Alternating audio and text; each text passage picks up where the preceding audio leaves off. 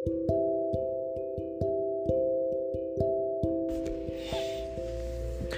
semuanya, Assalamualaikum warahmatullahi wabarakatuh Kali ini gue mau baca buku tentang tasawuf Oke, dari bukunya Ahlak Tasawuf Membangun keseimbangan antara lahir dan batin Ditulis oleh Dr. Haji Masud SAG MPD titik 1 Oke, kita mulai aja kali ya. Bismillahirrohmanirrohim.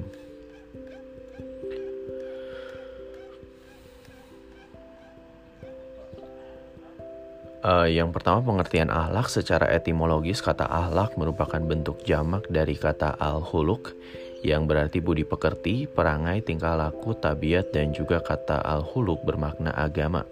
Jika ditelusuri kata ahlak berasal dari kata halako yahlako holako yang berarti ciptaan dalam bentuk masdarnya. Dalam kitab Mu'jam Al-Falsafi, kata alak berasal dari kata al-halako. Yahuluku ihlakan, yang berarti al-sajiyah atau perangai, at-tabi'ah, kelakuan, tabiat, dan watak dasar, dan al-din, agama. Dari pengertian tersebut dapat dipahami bahwa pengertian akhlak bukan saja merupakan tata aturan, norma atau perilaku yang mengatur hubungan antar sesama manusia, tetapi juga mengandung norma yang mengatur hubungan antar manusia dengan Tuhannya, antar sesama manusia dan bahkan mengatur hubungan manusia dengan alam semesta. Dalam sejarah perkembangan kehidupan manusia, akhlak sebenarnya sudah dikenal manusia di atas permukaan bumi yaitu apa yang disebut dengan istilah adat istiadat atau tradisi yang dihormati baik dalam kehidupan pribadi, keluarga, dan masyarakat. Semenjak terjadinya kekosongan kenabian dan kerasulan, yaitu pasca kenabian Nabi Isa alaihissalam, dan sebelum terutusnya Nabi Muhammad SAW, terjadi kekosongan dan terputusnya wahyu yang kita kenal dengan istilah zaman fatrah, yaitu zaman kekosongan. Maka tradisi itulah yang dijadikan tolak ukur dan alat penimbangan norma pergaulan kehidupan manusia – Terlepas apakah semua itu baik atau buruk, hal itu tergantung pada setelah datangnya wahyu Al-Quran dengan ditandai terutusnya Nabi Muhammad SAW. Secara istilah pengertian akhlak terbagi dalam beberapa berbagai pendapat ulama. Berikut ini beberapa pendapat ulama yang bisa dijadikan rujukan untuk mengetahui pengertian akhlak secara istilah. Di antaranya, pendapat Ibnu Miskawai yang artinya keadaan jiwa seseorang yang mendorongnya untuk melakukan perbuatan-perbuatan tanpa melalui pertimbangan pikiran terlebih dahulu. Keadaan ini terbagi dua, ada yang berasal dari tabiat aslinya dan ada pula yang diperoleh dari kebiasaan yang berulang-ulang. Boleh jadi pada mulanya tindakan itu melalui pikiran dan pertimbangan, kemudian dilakukan terus-menerus maka jadilah suatu bakat dan akhlak. Yang kedua pendapat Imam Ghazali. Alak adalah daya kekuatan, sifat yang tertanam dalam setiap jiwa yang mendorong seseorang melakukan perbuatan-perbuatan secara spontan tanpa memerlukan pertimbangan dan pikiran. Muhyiddin Ibnu Arabi 1165 sampai 1240 Masehi. Keadaan jiwa seseorang yang mendorong manusia untuk berbuat tanpa melalui pertimbangan dan pilihan terlenih dahulu. Keadaan tersebut pada seseorang boleh jadi merupakan tabiat atau bawaan dan boleh jadi juga merupakan kebiasaan melalui latihan dan perjuangan. Yang keempat Abdul Karim Zaidan Alak adalah kumpulan dan sifat yang tertanam dalam jiwa yang dengan sorotan dan timbangannya seseorang dapat menilai perbuatannya dengan baik atau buruk untuk kemudian terus melakukan atau meninggalkannya. Yang kelima pendapat Profesor Dr. Ahmad Amin. Menurut Profesor Dr. Ahmad Amin, alak merupakan perwujudan dari kata al-rodat adat, yaitu mengulang-ulang kehendak. Dengan bahasa lain, alak adalah melakukan pembiasaan kebaikan secara terus-menerus atau dengan istilah lain melakukan sesuatu secara berulang-ulang. Menurut Profesor Dr. Amin, Yang dimaksud dengan kehendak adalah ketentuan dari beberapa keinginan manusia setelah mengalami bimbang. Sedangkan yang dimaksud dengan kebiasaan yaitu perbuatan yang dilakukan secara berulang-ulang sehingga mudah melaksanakannya. Dari definisi di atas tertuang dalam tulisan beliau yang berbunyi, Sementara orang membuat definisi alak bahwa yang disebut alak adalah kehendak yang dibiasakan. Artinya bahwa kehendak itu bila membiasakan sesuatu, maka kebiasaan itu dinamakan ahlak. Dari lima definisi ahlak di atas, maka dapat dipahami bahwa pengertian ahlak merupakan sikap yang melekat pada diri seseorang dan secara spontan tanpa memerlukan pertimbangan terlebih dahulu, kemudian langsung diwujudkan dalam tingkah laku dan perbuatan. Untuk memiliki sifat di atas, maka perlu seseorang melatih dirinya dalam berbuat kebaikan atau membiasakan diri dalam menjalani aktivitas sehari-hari. Sehingga kebiasaan itu akan membentuk pribadi seseorang menjadi baik untuk selamanya. Oleh karena itu, kebaikan yang dilanggengkan atau dilakukan secara ajeg atau berkelanjutan akan mudah dilaksanakan tanpa memerlukan pertimbangan terlebih dahulu. Intinya ahlak harus bersifat konstan, spontan, tidak bersifat temporer dan tidak memerlukan pikiran, pertimbangan serta dorongan dari luar. Sejalan dengan hal di atas, sebagaimana yang ditekankan oleh Al-Imam Al-Ghazali agar tidak membiasakan diri secara istiqomah atau langgeng dan ajek baca bahasa Madura berbuat kebaikan. Dalam kitabnya, beliau mengungkapkan tentang perlunya sikap istiqomah Kebaikan yang tidak dilanggengkan bukanlah kebaikan, bahkan keburukan yang tidak langgeng dapat menjadi kebaikan. Dengan demikian, untuk menumbuhkan perangai dan watak yang baik memerlukan sebuah upaya yang dilakukan secara terus-menerus, sustainable, dan pada akhirnya bentuk kebaikan itu akan datang dengan sendirinya. Kebaikan itu akan selalu datang di mana pun kita berada dan kapan pun kita membutuhkannya, karena kepribadian seseorang ditentukan oleh kebiasaan yang mereka lakukan. Jikalau ia membiasakan berbuat baik, maka kebaikan itu akan mudah datang dengan sendirinya tanpa pertimbangan dan pikiran terlebih dahulu. Untuk lebih jelasnya, di bawah ini dijelaskan beberapa ciri tentang perbuatan akhlak seseorang yang dapat kita ukur dan sekaligus sebagai parameter di antaranya. Yang pertama, orang yang berakhlak memiliki kepribadian yang kokoh dan menyatu dengan dirinya. Kepribadian yang baik itu tertanam kuat dalam jiwa seseorang sehingga ia menjadi pribadi-pribadi baik. Yang kedua, bahwa kebaikan itu dilakukan dengan mudah tanpa pemikiran atau tanpa pertimbangan terlebih dahulu. Apalagi seseorang yang melakukan kebaikan secara terpaksa, maka kebaikan tersebut bukanlah cerminan ahlak seseorang. Yang ketiga, kebaikan tersebut timbul dari dalam diri orang yang mengerjakannya tanpa ada paksaan atau tekanan dari mana pun atau dari siapa pun. Yang keempat, kepribadian yang baik mesti lahir dari upaya yang dilakukan secara sungguh-sungguh. Dalam hal ini memerlukan proses yang panjang karena membentuk kepribadian tidak datang secara tiba-tiba. Yang kelima, setiap melakukan sesuatu dilakukan dengan ikhlas tanpa ada embel-embel apa pun. Dia melakukannya semata-mata didasari karena perintah Allah dan Rasulnya dan juga harus diniati ibadah serta berharap ridho Allah Subhanahu wa Ta'ala. Selain kita memahami pengertian akhlak dari berbagai pendapat ulama, termasuk juga penjelasan tentang ciri-ciri akhlak. Berikut akan dijelaskan pengertian etika, moral, dan susila. Dengan memahami etika, moral, dan susila, kita dapat mengetahui titik persamaan dan perbedaan di antara ketiganya termasuk juga kaitannya dengan akhlak. Nah, B. Hubungan etika, moral, dan susila. Satu pengertian etika. Secara etimologi, etika berasal dari bahasa Yunani adalah ethos, yang berarti watak kesusilaan atau adat kebiasaan, custom. Etika biasanya berkaitan erat dengan perkataan moral yang merupakan istilah dari bahasa Latin yaitu mos dan dalam bentuk jamaknya mores yang berarti juga adat kebiasaan atau cara hidup seseorang dengan melakukan perbuatan yang baik, kesusilaan, dan menghindari hal-hal tindakan yang buruk. Etika dan moral lebih kurang sama pengertiannya, tetapi dalam kegiatan sehari-hari terdapat perbedaan yaitu moral atau moralitas untuk penilaian perbuatan yang dilakukan. Sedangkan etika adalah untuk pengkajian sistem nilai-nilai yang berlaku. Istilah lain yang identik dengan etika yaitu susila sansekerta lebih menunjukkan kepada dasar-dasar prinsip aturan hidup sila yang lebih baik su Ahlak Arab berarti moral dan etika berarti ilmu ahlak. Dalam Kamus Bahasa Indonesia, etika diartikan sebagai ilmu pengetahuan tentang asas-asas akhlak. Sedangkan pengertian etika secara istilah adalah ilmu yang menjelaskan baik dan buruk dan menerangkan apa yang seharusnya dilakukan manusia. Etika lebih menitik beratkan pada aspek kepantasan yang harus dilakukan oleh seseorang atau hal-hal yang tidak patut dilakukan oleh seseorang.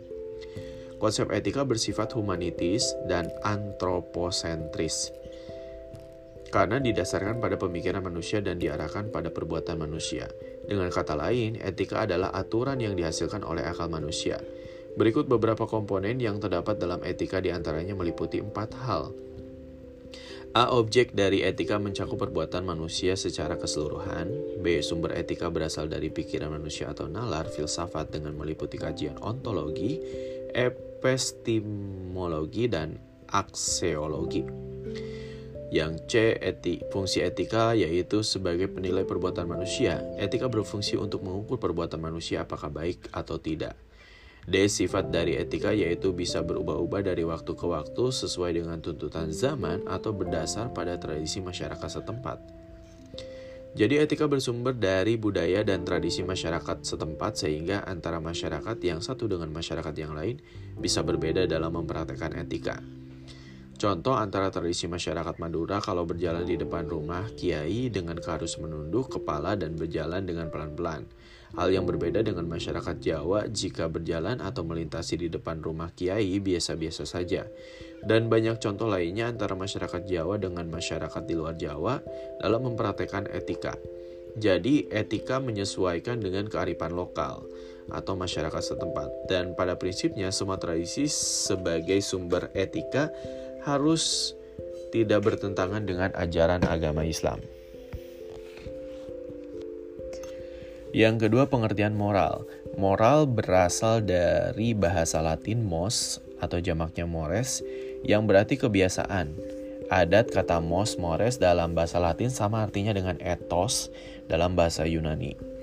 Di dalam Kamus Bahasa Indonesia, kata moral diartikan sebagai ajaran tentang baik buruk dan kelakuan manusia.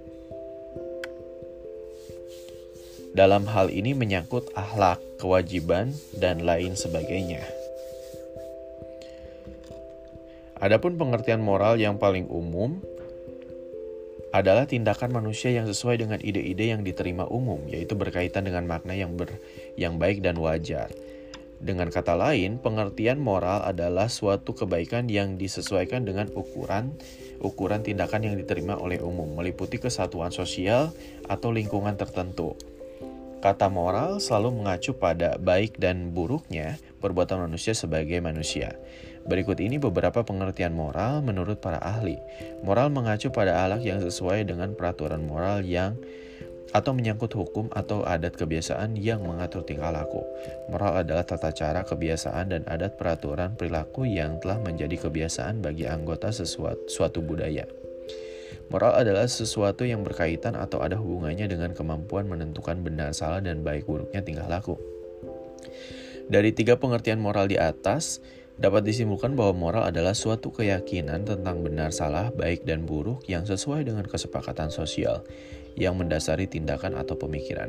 Jadi, moral sangat berhubungan dengan benar salah, baik buruk keyakinan diri sendiri dan lingkungan sosial. Sedangkan menurut istilah, moral merupakan istilah untuk menentukan batas-batas dari sifat perangai, kehendak, pendapat yang secara layak dapat dikatakan benar, salah, baik, atau buruk. Adapun yang menjadi acuan moral adalah sistem nilai yang hidup dan ber, diberlakukan dalam masyarakat. Berikut persamaan dan perbedaan antara moral dan etika. Di antaranya, A. Persamaan antara moral dan etika terletak pada objeknya, yaitu perbuatan manusia. B. Perbedaan keduanya terletak pada tolak ukur penilaian perbuatan. Etika menggunakan akal sebagai tolak ukur, sedangkan moral menggunakan norma yang hidup dalam masyarakat. Moral terbagi menjadi dua macam, yaitu pertama moral keagamaan, yaitu merupakan moral yang selalu berdasarkan pada ajaran agama Islam. Kedua, moral sekuler merupakan moral yang tidak berdasarkan pada ajaran agama dan hanya bersifat duniawi semata-mata. Tiga pengertian susila berasal dari bahasa Sanskerta su artinya baik dan susila artinya prinsip, dasar atau aturan. Susila atau kesusilaan diartikan sebagai aturan hidup yang lebih baik, sopan, dan beradab. Kesusilaan merupakan upaya membimbing memasyarakatkan hidup yang sesuai dengan norma atau nilai-nilai yang berlaku di masyarakat. Dalam Kamus Bahasa Indonesia, kata susila diartikan sopan, beradab, baik, budi bahasanya. Susila atau kesusilaan berasal dari kata susila yang mendapat awalan ke dan akhiran an, Kata tersebut berasal dari bahasa Sanskerta yaitu su dan sila. Su berarti baik, bagus, dan sila berarti dasar, prinsip, peraturan hidup atau norma. Kata susila selanjutnya digunakan untuk arti sebagai aturan hidup yang lebih baik. Orang yang susila adalah orang yang berkelakuan baik, sedangkan orang yang asusila adalah orang yang berkelakuan buruk. Contohnya para pelaku zina, pelacur sering diberi gelar sebagai tuna asusila. Selanjutnya, kata susila dapat berarti sopan, beradab, baik budi bahasanya dan kesusilaan sama dengan kesopanan. Dengan demikian, kesusilaan lebih mengacu pada upaya membimbing, memandu, mengarahkan, membiasakan, dan memasyarakat hidup, memasyaratkan, memasyarakatkan hidup yang berlaku dalam masyarakat. Kesusilaan menggambarkan keadaan di mana seseorang selalu menerapkan nilai-nilai yang dipandang baik. C. Persamaan akhlak, etika, moral, dan susila. Persamaan ketiganya terletak pada fungsi dan peran, yaitu menentukan hukum atau nilai dari suatu perbuatan manusia untuk ditetapkan baik atau buruk. Secara rinci, persamaan tersebut terdapat dalam tiga hal. A. Objek ahlak terkait dengan perbuatan manusia khususnya mereka yang sudah masuk dalam kategori mukalaf dan tidak terkait terhadap selain manusia atau makhluk Allah selain manusia. B. Ukuran ahlak berkaitan dengan perilaku manusia apakah tergolong baik atau buruk, atau apakah perbuatan itu tergolong terpuji atau tercela dengan bersandar pada Al-Quran dan Al-Hadis. Norma etika dan moral selama tidak menyalahi ketentuan-ketentuan Al-Quran dan Al-Hadis.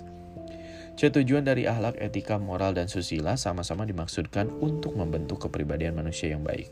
Adanya tabel di bawah ini untuk mengukur letak perbedaan antara etika, moral, susila, dan ahlak. Oke. Okay. D. Karakteristik akhlak dalam ajaran Islam. Islam datang sebagai agama terakhir dari agama-agama Allah yang telah diturunkan kepada para nabi sebelum Nabi Muhammad SAW. Sekalipun sebagai agama yang terlahir terakhir, Islam memiliki keistimewaan dibandingkan dengan agama-agama Allah yang lainnya. Keistimewaan yang dimaksud bahwa agama ini sebagai agama penyempurna dari ajaran-ajaran agama sebelumnya.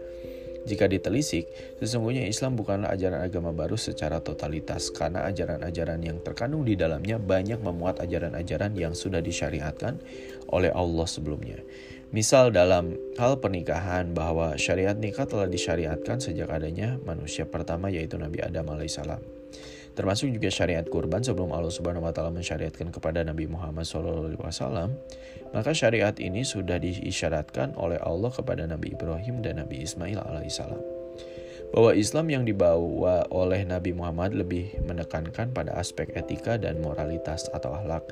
Hal ini sebagaimana disabdakan oleh Nabi sendiri, yang artinya, aku diutus hanya untuk menyempurnakan akhlak.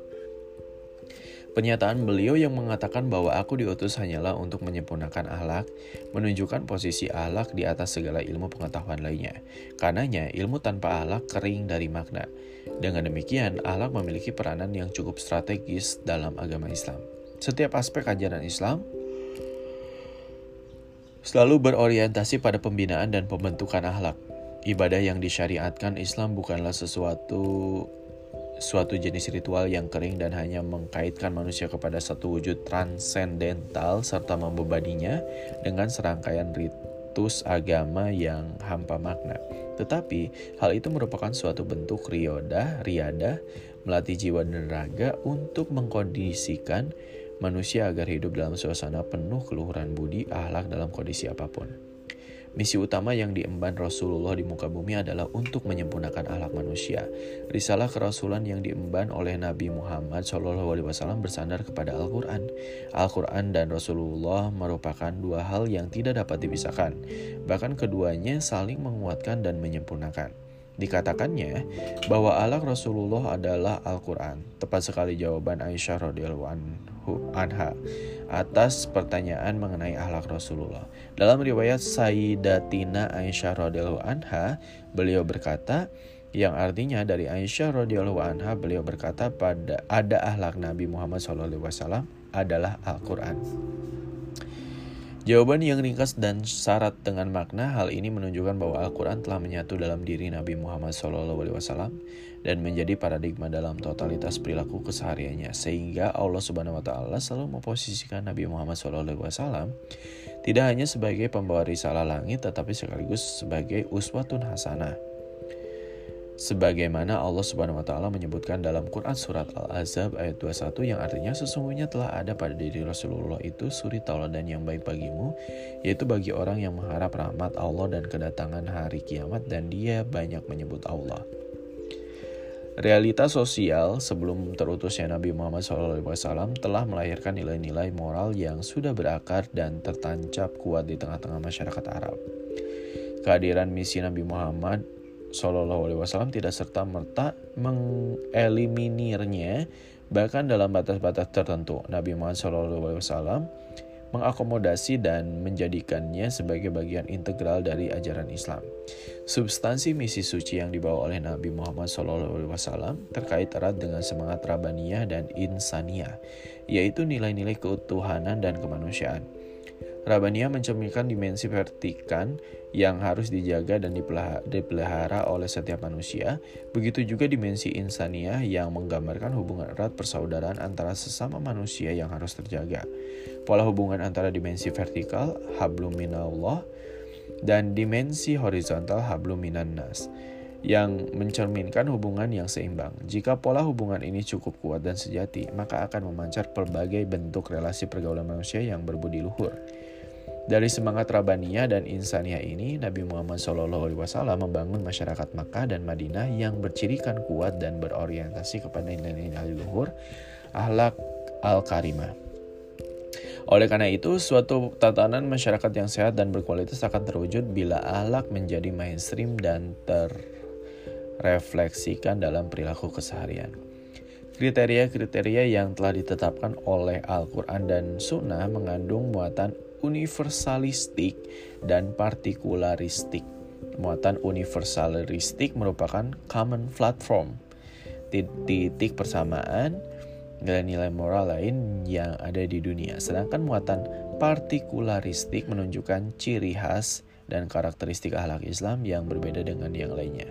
Adapun ciri khas dan karakteristik akhlak Islam itu meliputi berbagai kriteria di antaranya satu ahlak rabania. Ahlak rabania memiliki pengertian bahwasanya wahyu ilahi merupakan reference source atau sumber rujukan ajaran ahlak. Hal ini tidak berarti mengandung kontradiksi dengan pendapat akal sehat, karena kebaikan yang diajarkan oleh wahyu adalah kebaikan menurut akal dan yang diajarkan sebagai keburukan menurut wahyu adalah keburukan menurut akal. Dua ahlak insania. Alak insaniah mengandung pengertian bahwa tuntutan fitrah dan eksistensi manusia sebagai makhluk yang bermartabat sesuai dengan sesuai dan ditetapkan oleh ajaran akhlak. Kecenderungan manusia kepada hal-hal yang positif dan ketetapan akal tentang kebaikan secara langsung akan terpenuhi dan bertemu dengan kebaikan ajaran akhlak. Orientasi alak insania ini tidak terbatas pada peri kemanusiaan yang menghargai nilai-nilai kemanusiaan secara umum, tetapi juga mencakup kepada peri kemahlukan dalam pengertian menanamkan rasa cinta terhadap semua makhluk Allah. Tiga ahlak jami'iyah. Ahlak jami'iyah mempunyai arti bahwa kebaikan yang terkandung di dalamnya sesuai dengan kemanusiaan yang universal. Kebaikannya untuk seluruh umat, manusia di segala zaman dan di semua tempat, dengan mencakup semua aspek kehidupan baik yang berdimensi vertikal maupun yang berdimensi horizontal. Empat ahlak wasitiyah Ahlak wasitiyah berarti bahwasanya ajaran ahlak itu menitik beratkan keseimbangan, tawasud, antara dua sisi yang berlawanan seperti keseimbangan antara rohani dan jasmani, keseimbangan antara dunia dan akhirat, dan seterusnya. Allah Subhanahu wa taala dalam firman-Nya mengilustrasikan tentang dua kelompok manusia yang memiliki sifat saling berlawanan. Kelompok pertama hanya memprioritaskan kehidupan dunianya dengan sekuat tenaga berusaha memenuhi ketuntutan-tuntutan hedonit hedonistiknya dan membunuh kesadarannya akan kehidupan akhirat. Sedangkan kelompok yang kedua berusaha menyeimbangkan kepentingan hidupnya di dunia dan di akhirat serta merasa takut akan siksa neraka. Kelompok pertama akan mendapatkan keinginan-keinginan duniawinya namun di akhirat tidak mendapatkan apa-apa. Sedangkan kelompok yang kedua benar-benar akan mendapatkan kebahagiaan dunia dan akhirat.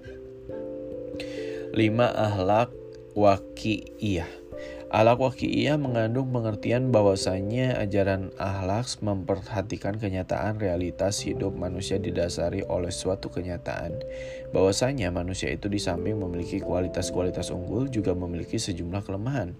Firman Allah berikut memperjelas kondisi objektif manusia paling mendasar. Quran Surat Al-Lail 78 yang artinya dan jiwa serta penyempurnaannya ciptaannya maka Allah mengilhamkan kepada jiwa itu jalan kefasikan dan ketakwaannya. Ayat di atas memberikan pemahaman bahwasanya manusia memiliki dua potensi yang berhadapan secara diametral. Satu potensi menunjukkan kualitas insaniah dan yang satunya lagi menunjukkan kelemahan. Dalam ayat lain terdapat sebuah ilustrasi bahwasanya kondisi realitas menjustifikasi untuk melakukan sesuatu yang tadinya terlarang. Barang siapa dalam keadaan terpaksa memakannya sedang dia tidak menginginkannya dan tidak pula melampaui batas, maka tidak ada dosa baginya. Dalam kondisi sulit dan terpaksa di dalam Al-Quran, Allah menunjukkan kasih sayangnya kepada hambanya sekaligus sebagai pengampun lagi maha penyayang. Quran Surat Al-Baqarah ayat 173 yang artinya sesungguhnya Allah hanya mengharamkan bagimu bangkai, darah, daging babi, dan binatang yang ketika disembeli disebut nama selain Allah tetapi barang siapa dalam keadaan terpaksa memakannya sedang dia tidak menginginkannya dan tidak pula melampaui batas maka tidak ada dosa baginya. Sesungguhnya Allah maha pengampun lagi maha penyayang. Dengan memahami karakteristik akhlak islami ini, mudah-mudahan kita terpacu untuk mewujudkan akhlak Islam di pentas kehidupan sesama, sehingga harmoni tercipta di muka bumi. Karena posisinya yang amat strategis, Allah Subhanahu wa taala merinci karakter akhlak sebagaimana yang terdapat dalam Al-Qur'an dengan meliputi beberapa ciri akhlak di antaranya. Yang pertama, alak meliputi hal-hal yang bersifat umum dan terperinci. Alak yang bersifat umum misalnya berbuat adil, berbuat kebaikan, melarang perbuatan keji dan mungkar, dan menghindari permusuhan sebagaimana yang tersurat dalam surat An-Nahl, Nahl ayat 90 yang artinya sesungguhnya Allah menyuruh kamu berlaku adil dan berbuat kebajikan, memberi kepada kaum kerabat dan Allah melarang dari perbuatan keji, kemungkaran dan permusuhan. Dia memberi pengajaran kepadamu agar kamu dapat mengambil pelajaran. Sedangkan alak yang terperinci meliputi seperti larangan untuk saling mencela serta memanggil dengan panggilan yang buruk. Hal ini disebutkan dalam surat Al-Hujurat ayat 12 yang artinya hai orang-orang yang beriman jauhilah kebanyakan purbasangka atau kecurigaan karena sebagian dari pur purbasangka itu dosa dan janganlah mencari-cari keburukan orang dan janganlah menguncingkan satu sama lain. Adakah seseorang di antara kamu yang suka memakan daging saudaranya yang sudah mati, maka tentulah kamu merasa jijik kepadanya dan bertakwalah kepada Allah sesungguhnya Allah Maha Penerima Taubat lagi Maha Penyayang. Yang kedua, akhlak bersifat menyeluruh yaitu meliputi seluruh kehidupan muslim baik beribadah khususnya kepada Allah maupun dalam hubungan dengan sesama manusia. Nah, dan berpeganglah kamu semuanya kepada tali agama Allah dan janganlah kamu bercerai-berai dan ingatlah akan nikmat Allah kepadamu ketika kamu dahulu masa jahiliyah bermusuh-musuhan. Maka Allah mempersatukan hatimu lalu menjadikan menjadilah kamu karena nikmat Allah orang-orang yang bersaudara dan kamu telah berada di tepi jurang neraka. Lalu Allah menyelamatkan kamu daripadanya. Demikianlah Allah menerangkan ayat-ayatnya kepadamu agar kamu mendapat petunjuk. Yang ketiga, alak sebagai buah iman. Karena karakter dasar alak berkaitan dengan keimanan, iman itu akarnya ibadah adalah batang, ranting, dan daunnya. Sedang alak adalah buahnya. Nah, barang siapa yang mengerjakan amal saleh, baik laki-laki maupun perempuan dalam keadaan beriman, maka sesungguhnya akan kami berikan kepadanya kehidupan yang baik, dan sesungguhnya akan kami beri balasan kepada mereka dengan pahala yang lebih baik dari apa yang telah mereka kerjakan. Ayat di atas mengkonfirmasi kepada kita semua bahwa keimanan yang kuat akan membentuk perilaku baik dalam seluruh aspek kehidupannya. Jika bekerja, ia akan berbuat baik dan bahkan berbuat yang terbaik, dan jika bermusyawarah, atau bergaul, ia akan berperilaku santun dengan mengedepankan etika dan moral atau akhlak. Yang E, ruang lingkup kajian ilmu akhlak.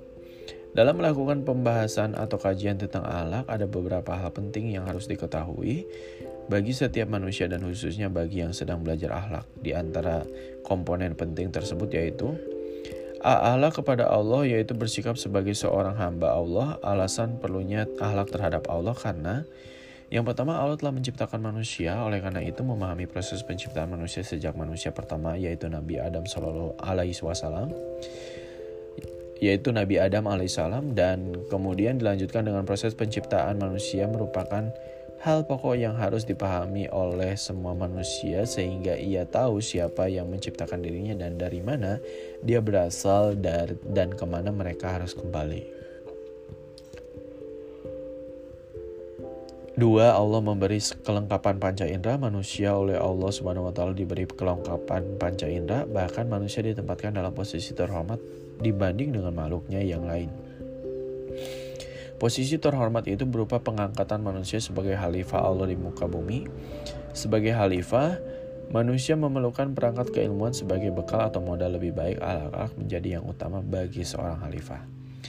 Tiga, Allah menyediakan sarana kehidupan. Tidak hanya Allah menciptakan manusia, namun Allah juga menyediakan sarana kehidupan berupa alam semesta beserta isinya untuk dapat untuk dapatnya dimanfaatkan agar kelangsungan hidupnya di muka bumi bisa berguna dan bermanfaat. Tanpanya, mustahil seseorang dapat melaksanakan segala kebutuhan dan keinginannya khususnya di muka bumi. Empat, Allah memberikan kemampuan atau keahlian. Keahlian yang diberikan Allah kepada hambanya bermacam-macam, bahwa segala macam keahlian yang dimiliki oleh manusia agar dapat dimanfaatkan sebaik-baiknya untuk mencapai kesempurnaan hidupnya. Kreativitas dan keahlian yang berbeda menunjukkan kekuatan dan kekuasaan yang dimiliki Allah dan kemudian diberikan kepada manusia untuk menjaga kelangsungan hidupnya. 5. Allah yang mengatur kehidupan makhluknya di muka bumi bahkan hingga di akhirat Allah memiliki kekuasaan penuh